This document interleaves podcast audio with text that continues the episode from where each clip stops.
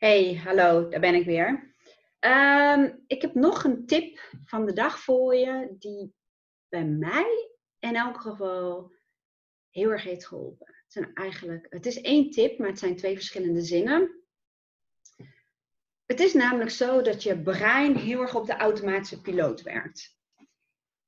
96% eh, van de tijd worden we eh, geregeerd, zullen we maar zeggen, door ons onbewuste brein. En in ons onbewuste brein zitten onze angsten, onze overtuigingen, uh, onze waarheden over onszelf, over de wereld, nou, noem het allemaal maar op.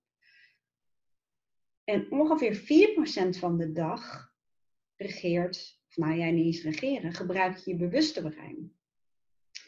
Dus je kunt je wel voorstellen hoe lastig het is om een nieuwe gewoonte te verankeren. Omdat ons onbewuste brein over het algemeen gewoon regie heeft. En dat is dus die automatische piloot. Dus daar gaan op een automatische manier uh, worden gedachten geproduceerd, ongeveer 60.000 tot 70.000 per dag. En um, handel je eigenlijk namens nou ja, een soort programma wat gewoon draait. Zonder al te veel bewustzijn, laten we het zo maar noemen. Het helpt om op het moment dat je je bewust wordt van een bepaalde gedachte of een emotie die je als niet prettig ervaart, om een trucje te hebben om het patroon te doorbreken. Een trucje die makkelijk is, maar die er wel voor zorgt dat jij niet in een bepaald loopje komt. Want de coaching is het zo dat je gedachten bepalen je realiteit. Dus je gedachten dus niet de situatie, maar je gedachten erover bepalen welke emoties er opkomen. Dus zijn dat negatieve gedachten, dan krijg je daarvan negatieve emoties. En um, je emoties bepalen je handelen. Dus op basis van je emoties vertoon je bepaald gedrag. Dus het gaat heel erg om dat als er bepaalde emoties naar boven komen, of gevoelens of uh, gedachten, waarvan je bewust wordt van, oh ja, ik raak in een bepaald loopje, dat je iets doet om dat te doorbreken. Nou, en dat iets doen, dat kunnen een paar simpele zinnetjes zijn. En daar zal ik hier twee van delen. De allereerste, die werkt bij mij en bij heel veel klanten van mij, familieleden, gezinsleden, als een tegenleer. Dat is namelijk het zinnetje, dat kan, maar dat hoeft niet. Door dat zinnetje tegen jezelf te zeggen, doorbreek je iets. En dat iets kan heel veel zijn. In mijn geval is dat bijvoorbeeld als ik doemgedachten krijg. Dat als bijvoorbeeld um, Aaron geen appje heeft gestuurd dat hij eh, veilig op zijn werk is aangekomen, ik noem maar eventjes wat, en ik krijg hem niet te pakken, dan zit dus in mijn automatische piloot, mijn programma, hè, want ik wel vaker gedeeld dat de angst bij mij een, eh, een thema is, maar dan zie je dat ergens in mij wordt iets getriggerd. En ik ben me daarvan bewust. Dus dat is eigenlijk al uh, de reden waarom die, of dat thema angst, dat er nog wel is, maar dat ik het kan sturen. En dat is natuurlijk super fijn, waardoor het niet in controle is, niet de regie over mij overneemt. Dus, maar er wordt wel iets getriggerd, een gedachte van, oh jee, zal er niks zijn of zo. Hè? Dat. Dus op het moment dat ik dat voel, of een negatieve emotie, omdat ik hem niet te pakken krijg, dan zeg ik tegen mezelf, bijvoorbeeld er is misschien iets ergs gebeurd, dan zeg ik, dat kan, maar dat hoeft niet. Er kunnen nog zoveel andere scenario's zijn, wat de reden is waarom hij niet opneemt. En dat is dat hij binnenkomt op kantoor en meteen wordt aangesproken. Bedoel, er kan van alles nog wat zijn. Misschien is de telefoon wel leeg en moet hij hem eerst eventjes opladen. Of hij is het gewoon weer vergeten en hij zit wel in gesprek. Dus het zinnetje, dat kan, maar dat hoeft niet, helpt mij om dat te doorbreken. Wat ook heel erg helpt, is dat je heel vaak, daarvoor zijn we mens, een oordeel vellen over iets of iemand.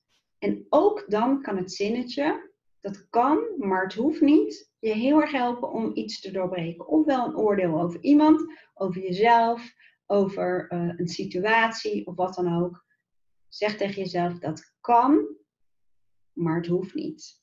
En het grappige is dat binnen mijn gezin, familie en vrienden en ook klanten maken er grapjes over door elke te zeggen, dat kan, maar dat hoeft niet. Dus dat is het eerste zinnetje.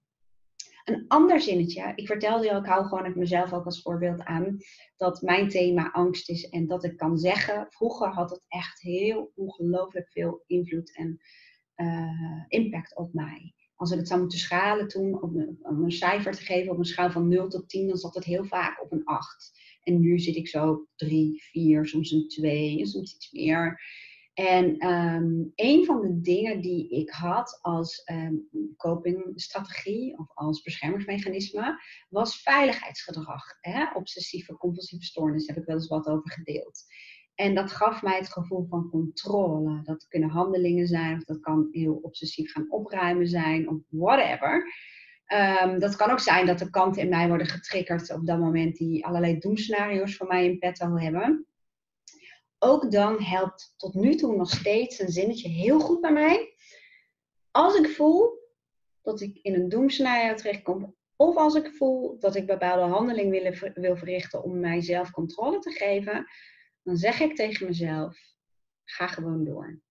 Of gewoon doorgaan. En dat betekent eigenlijk dat ik mijn aandacht weer richt op dat waar ik mee bezig was, of dat ik mijn aandacht richt op iets dat mij helpt om uh, ja, mezelf af te leiden. Afleiden, of in elk geval de aandacht op iets anders te geven. Want alles wat je aandacht geeft, groeit.